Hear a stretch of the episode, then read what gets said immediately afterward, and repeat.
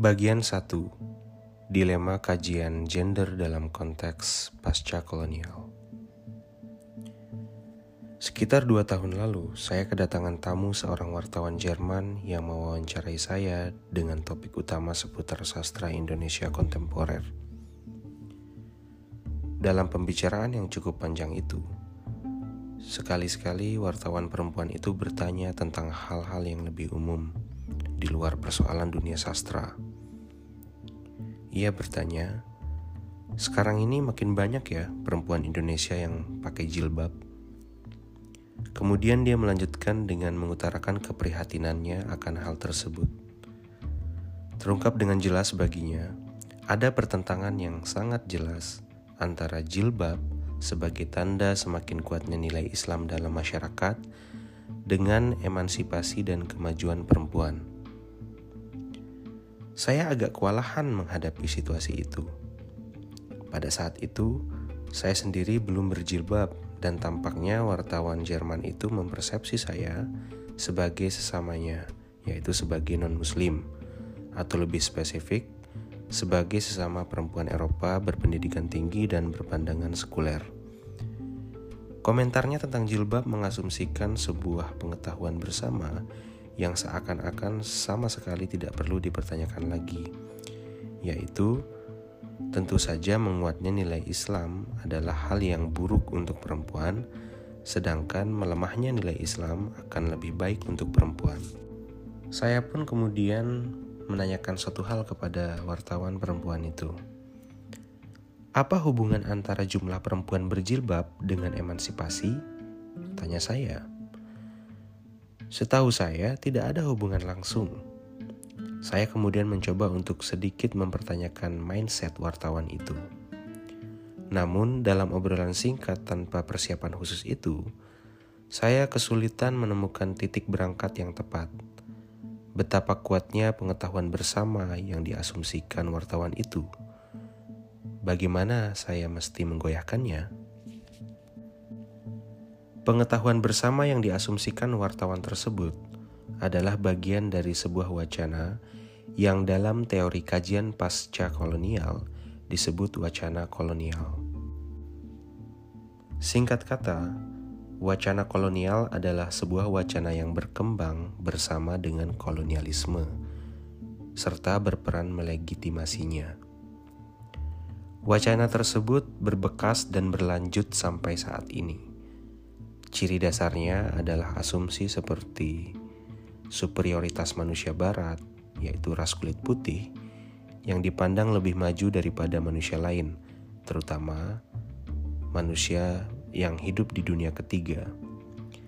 Dengan demikian, manusia barat seakan-akan berhak atau bahkan berkewajiban untuk menilai manusia lain, lalu mengintervensi untuk membantu mereka menjadi lebih maju.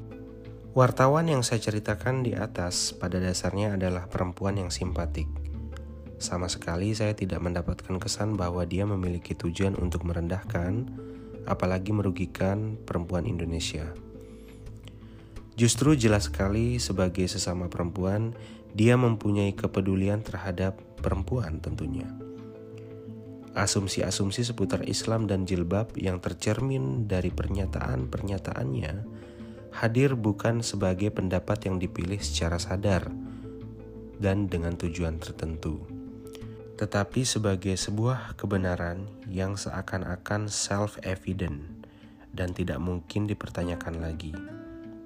Itulah yang membuat saya kewalahan menghadapinya.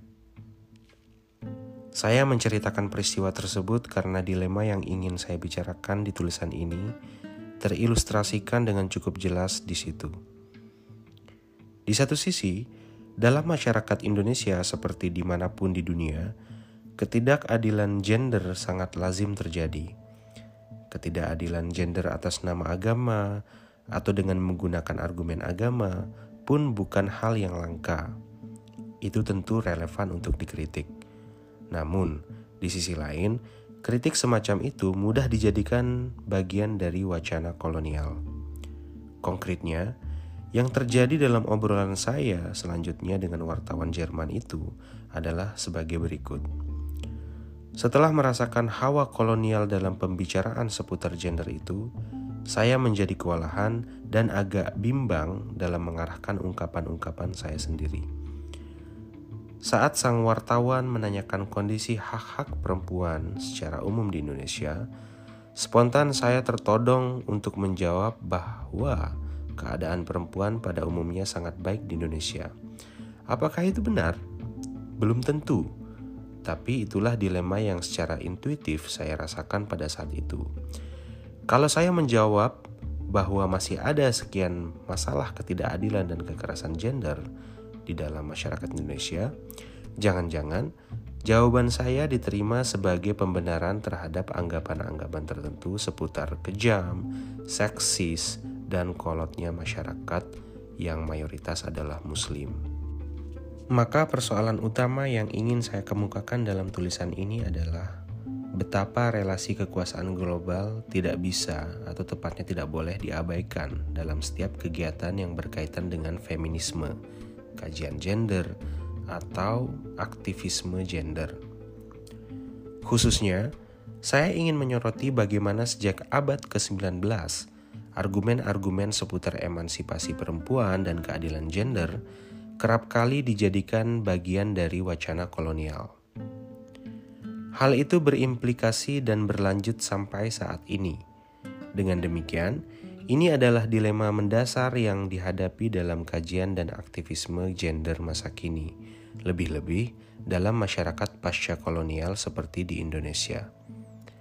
Dilema tersebut perlu disadari dan dibicarakan demi mengembangkan sebuah pendekatan kajian dan perjuangan gender yang lebih kritis dan kontekstual. Mengapa permasalahan itu saya sebut sebagai dilema? Feminisme menyadarkan kita akan ketidakadilan gender dalam masyarakat kita, di mana pun kita berada. Namun, tentu saja dibutuhkan kegiatan-kegiatan yang mempersoalkan dan menganalisis ketidakadilan itu secara kritis dan berusaha mengubah keadaan. Namun, kalau kita berada di negara pasca kolonial, alias di belahan dunia yang sering disebut dunia ketiga, kritik feminis semacam itu mudah menjadi sejenis buah si malakama. Di satu sisi, kritik itu tentu saja sangat perlu dan relevan untuk menggugat ketidakadilan gender yang ada. Di sisi lain, saat kritik itu diutarakan, ia berpotensi dijadikan bagian dari wacana kolonial, yaitu sebagai bukti bahwa masyarakat setempat bersifat patriarkis, kolot, dan represif. Di situ, kemudian wacana kolonial sering mencitrakan masyarakat Barat sebagai lebih maju, dalam arti lebih adil gender. Masyarakat dunia ketiga seakan-akan perlu dibimbing dan didampingi agar kemudian mencapai kemajuan yang sama seperti yang konon dimiliki dunia barat. Permasalahan tersebut dibicarakan antara lain oleh sosiolog Kanada Jasmine Zain dalam sebuah tulisan dengan fokus khusus pada situasi dilematis yang dihadapi oleh feminis muslim. Zain 2008 halaman 40 By exposing issues of sexism within our own communities and societies.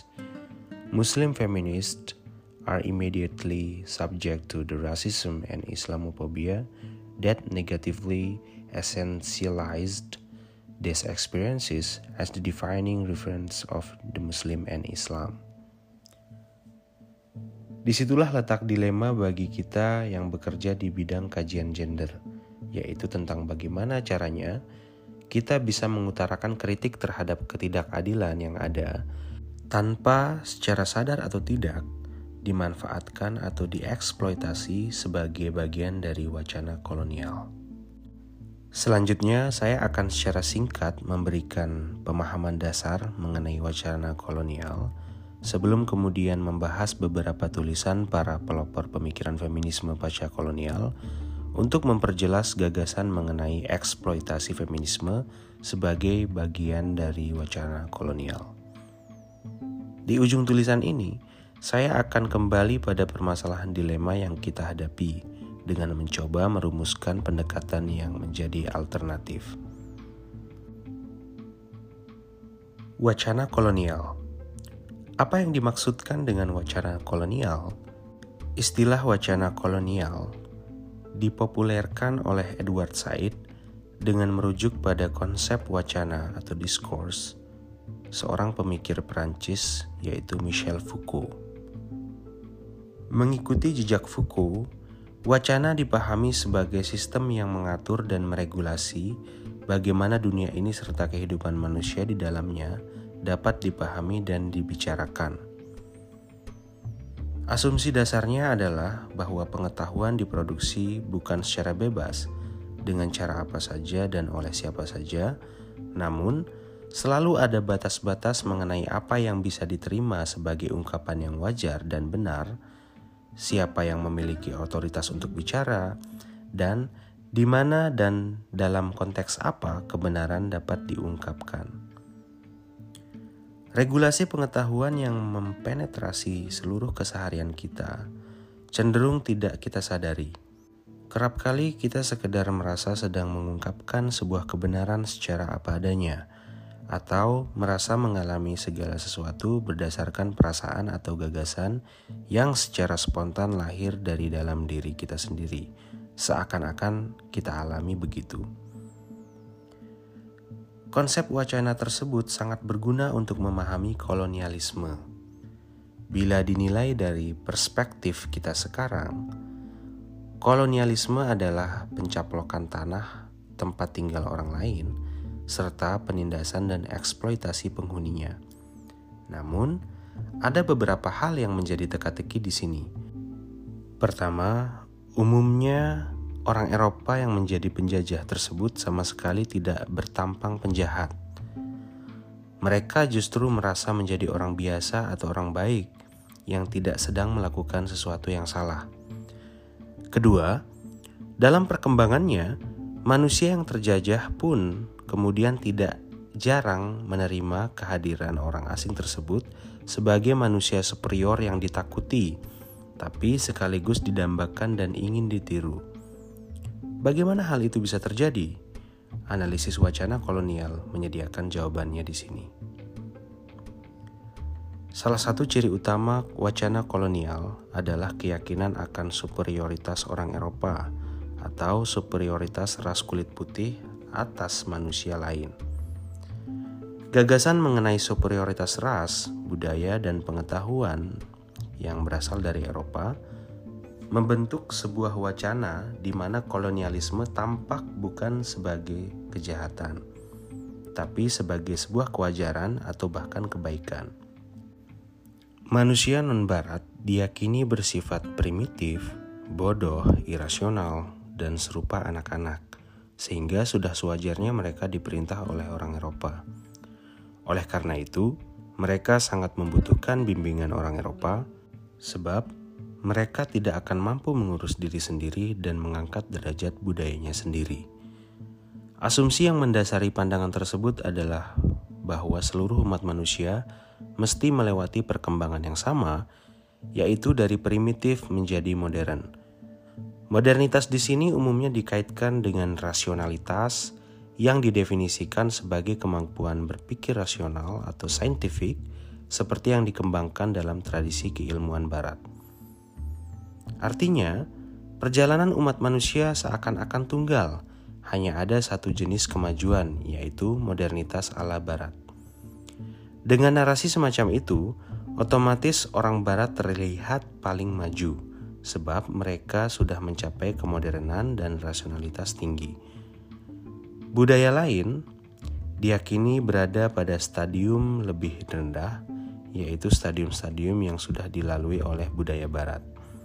Dengan dasar itulah, orang Barat seakan-akan berhak atau bahkan berkewajiban untuk membawa kemajuan yang mereka miliki kepada orang lain. Di sini muncul sebuah gagasan yang pada awalnya dikembangkan di Perancis, yaitu pada abad ke-19, kemudian menjadi ciri imperialisme Barat secara umum, yaitu gagasan mission civilisatrice atau misi pemberadaban.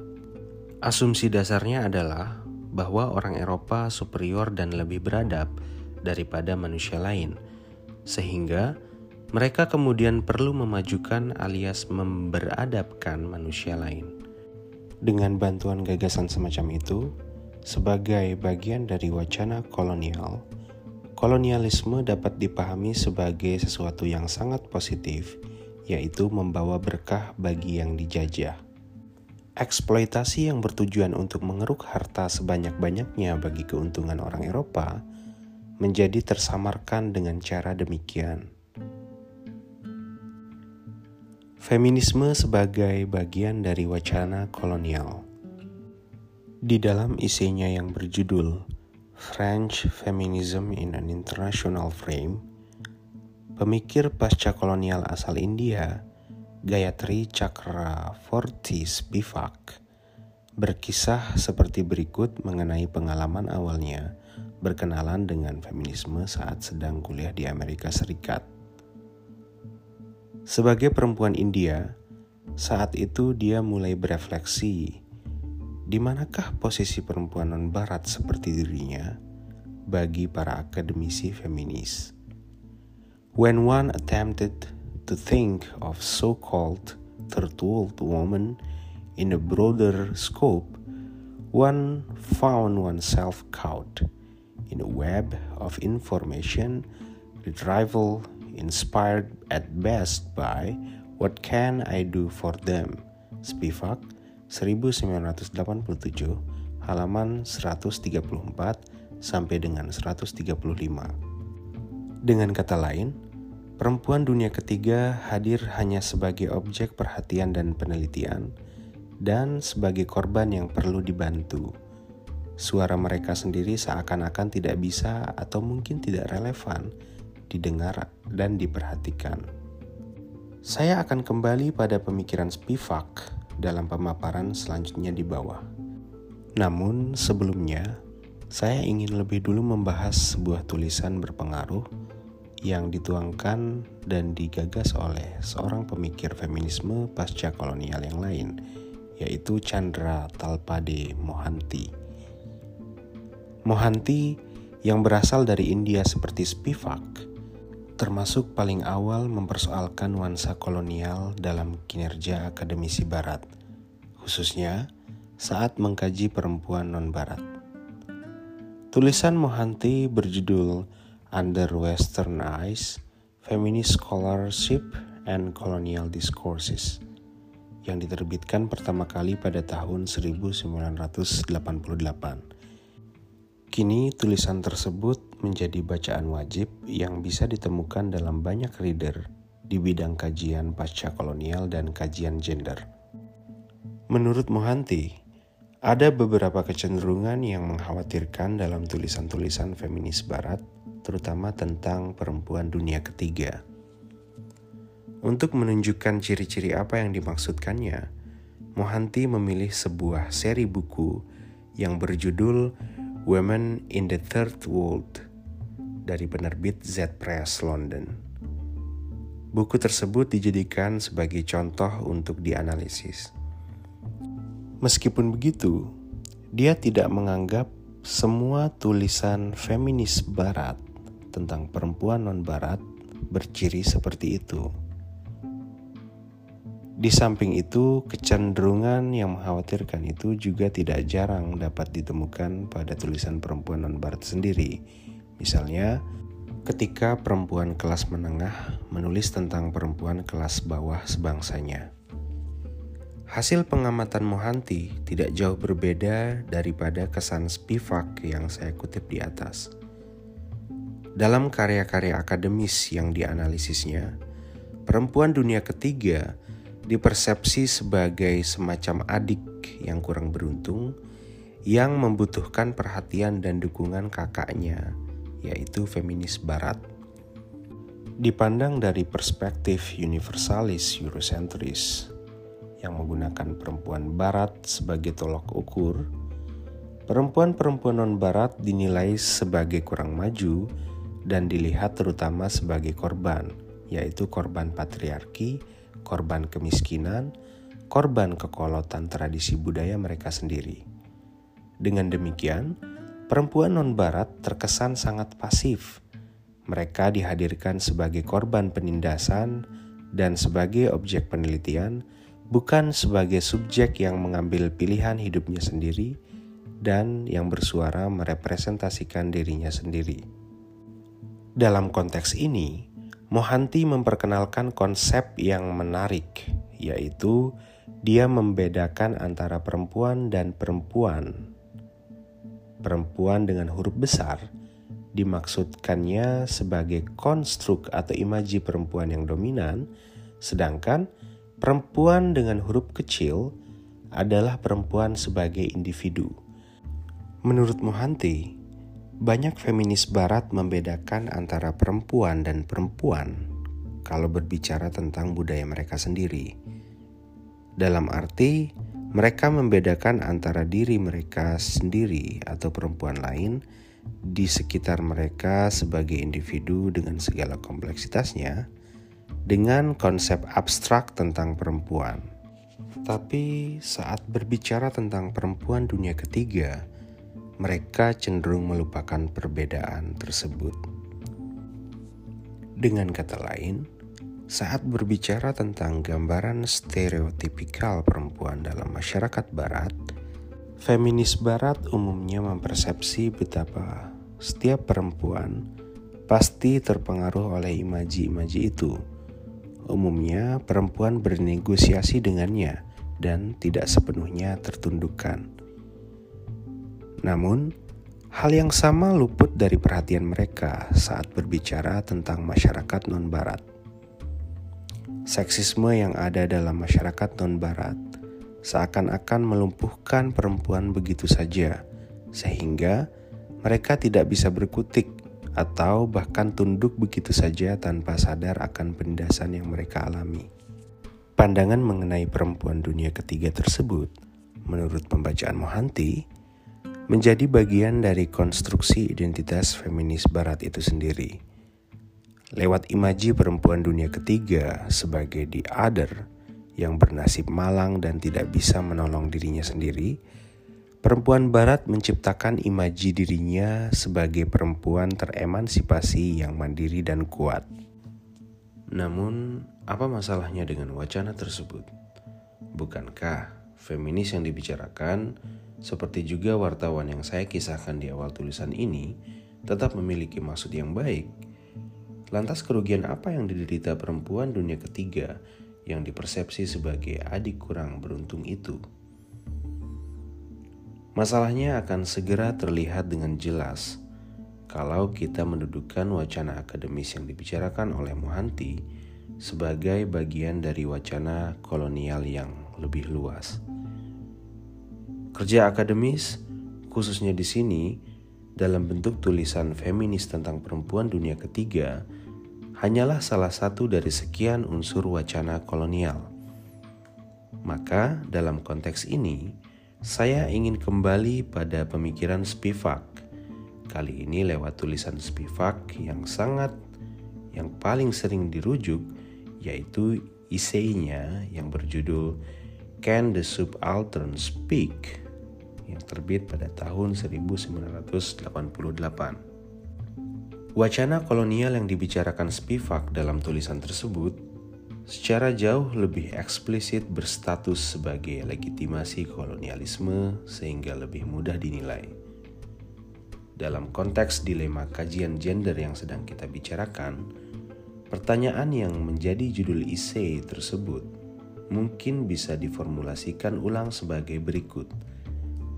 Setelah diapropriasi dan dieksploitasi oleh wacana kolonial, Bagaimana nasib dan pengalaman perempuan subaltern pasca kolonial dapat direpresentasikan? Bisakah dia merepresentasikan dirinya sendiri? Dan perlu dan mampukah intelektual pasca kolonial merepresentasikannya? Kasus yang diangkat Spivak dalam tulisan tersebut adalah sati. Sati merupakan sebuah praktik di kalangan umat Hindu India di mana ketika seorang lelaki meninggal dan jenazahnya dibakar, jandanya melompat ke dalam api dan dengan demikian ikut mati bersama suaminya. Dalam kasus Sati, Spivak membatasi pembahasan pada konteks India. Praktik serupa juga terjadi pada masa lalu di Bali. Sayangnya, saya belum menemukan pembahasan dari perspektif pasca kolonial mengenai kasus Bali. Pada tahun 1829, Praktik tersebut dilarang oleh pemerintah kolonial Inggris dengan alasan bahwa sati bersifat kejam dan tidak manusiawi. Wacana di kalangan penjajah seputar sati secara singkat dan ironis diringkas Spivak sebagai white man saving brown woman from brown man atau laki-laki kulit putih menyelamatkan perempuan kulit coklat dari laki-laki kulit coklat.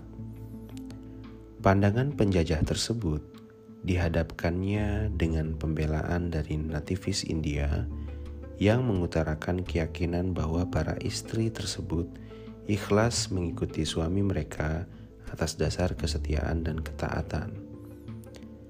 Kedua perspektif tersebut masing-masing dominan disuarakan oleh laki-laki, yaitu laki-laki penjajah di satu pihak dan laki-laki pribumi di pihak lain. Sedangkan suara perempuan-perempuan yang menjalani sati itu sendiri sama sekali tidak terdokumentasikan. Spivak 1988 halaman 297 Kata Spivak mengeksplisitkan gagasannya. Perempuan pribumi dimanfaatkan sebagai objek dengan argumentasi bahwa mereka membutuhkan pembelaan penjajah dari penindasan yang dilakukan oleh masyarakat mereka sendiri.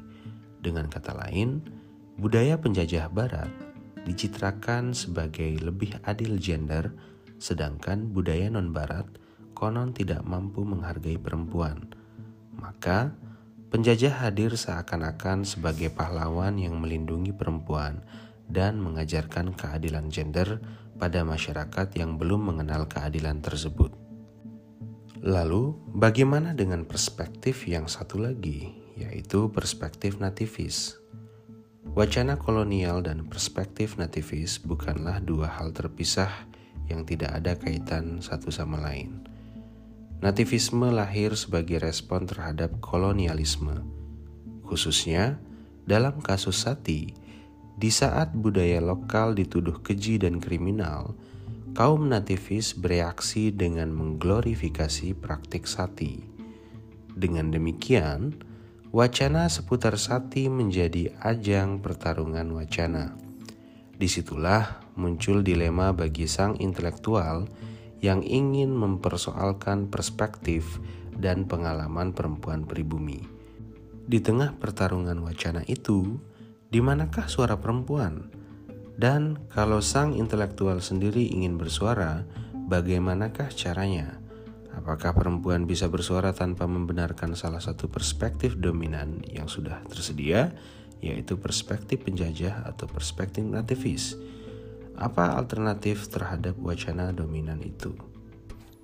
Saya ingin sekilas membicarakan satu kasus lagi, yaitu kasus yang lebih kontemporer Tujuannya adalah untuk mengilustrasikan betapa wacana kolonial yang sedang kita bahas sama sekali bukan sekedar bagian dari masa lalu, sekaligus juga untuk menunjukkan betapa di tengah relasi kuasa yang tetap sangat timpang pada masa kini, manusia yang dijadikan objek wacana kolonial tersebut makin sulit didiamkan. Yang ingin saya bicarakan adalah kelompok Femen yaitu kelompok aktivis feminis yang didirikan di Ukraina pada tahun 2008 dan kini berpusat di Paris, Prancis. Kelompok tersebut berulang kali menjadi sorotan media disebabkan aksi-aksinya yang provokatif, yaitu dengan menggunakan ketelanjangan, seperti berpose dengan bertelanjang dada, dengan tulisan di tubuh telanjang tersebut. Antara lain, Agama kerap kali dijadikan fokus dalam aksi mereka dengan alasan bahwa menurut hemat mereka, agama menjadi salah satu biang patriarki. Khususnya berkaitan dengan Islam, berulang kali pakaian muslimah menjadi sasaran dengan asumsi bahwa perempuan Muslim ditindas lewat pakaian yang mereka kenakan. Pada bulan Maret tahun 2012 misalnya, aktivis Femen Prancis bertelanjang dada di depan menara Eiffel dengan memegang spanduk bertuliskan Muslim Woman Let's Get Naked atau dalam bahasa Indonesia, perempuan muslim mari telanjang dan dengan tulisan nudity ketelanjangan di lengan kanannya dan freedom atau kebebasan di lengan kirinya. Kemudian pada bulan Maret 2013, Amina Tyler, perempuan Tunisia berusia 19 tahun yang menjadi anggota Femen, memposting foto bertelanjang dada di Facebook dengan tulisan dalam bahasa Arab yang ditulis di dadanya bermakna tubuhku adalah milikku bukan sumber kehormatan orang lain. Setelah tindakannya itu, banyak menuai kecaman di tengah masyarakatnya. Publikasi mengenai kasus tersebut kemudian segera menyebar secara global. Antara lain, pada 4 April 2013, Femen dan pendukungnya menggelar International Topless Jihad Day dengan bertelanjang dada di depan kedutaan Tunisia atau dekat dengan tempat ibadah kaum muslim di beberapa kota di Eropa. Di samping itu, sekian posting dan foto yang menyatakan dukungan atau simpati untuk Amina menyebar di media sosial. Salah satu di antara gambar-gambar yang beredar tersebut, sekedar sebagai contoh, merupakan foto seorang perempuan berkulit putih bertelanjang dada dalam pose berlutut yang dibuat serupa posisi sholat dengan tangan diangkat seperti sedang berdoa. Rambut ditutup dengan sebuah handuk yang dililitkan di kepala serupa turban dan dengan jenggot panjang yang digambar di atas foto. Payudara telanjangnya digambari bulan bintang dan dadanya bertuliskan Viva Topless Jihad. Jelas sekali gambar tersebut dan sekian gambar lain mengandung unsur rasis dan Islamofobia yang cukup ekstrim. Dengan alasan membela hak perempuan, simbol-simbol keagamaan dipermainkan tanpa rasa hormat sama sekali. Menariknya, hal tersebut mendapat respon yang cukup vokal dari kaum yang konon sedang dibela, seperti yang diutarakan wartawan Rokayah Chamseddin dalam sebuah tulisan berjudul Femen and the Suppression of Native Voices tahun 2013, sebuah gerakan tandingan dengan hashtag Muslimah Pride muncul di media sosial. Antara lain, seorang perempuan bernama Zarah Sultana memposting foto dengan tulisan sebagai berikut. I am a proud Muslimah. I do not need liberating. I don't appreciate being used to reinforce Western imperialism. You do not represent me. Kritik Sultana yang dengan begitu gamblang mempersoalkan unsur wacana kolonial dalam aksi Femen dan aksi-aksi perseorangan yang diinspirasi olehnya, ternyata disambut dengan sangat agresif Baik aksi Femen sendiri maupun perdebatan di media sosial tentu saja merupakan contoh yang relatif ekstrim dibandingkan dengan wacana akademis, polemik dan aksi publik semacam itu jauh lebih agresif dan eksplisit. Dengan demikian, terilustrasikan dengan jelas betapa feminisme atau mungkin tepatnya sebuah argumentasi yang sok feminis tetap lazim dijadikan sebagai bagian dari wacana kolonial sampai saat ini. Dan ternyata kemarahan dan kebencian meledak dengan sangat mengerikan di saat mereka yang sedang dibela mulai bersuara sendiri.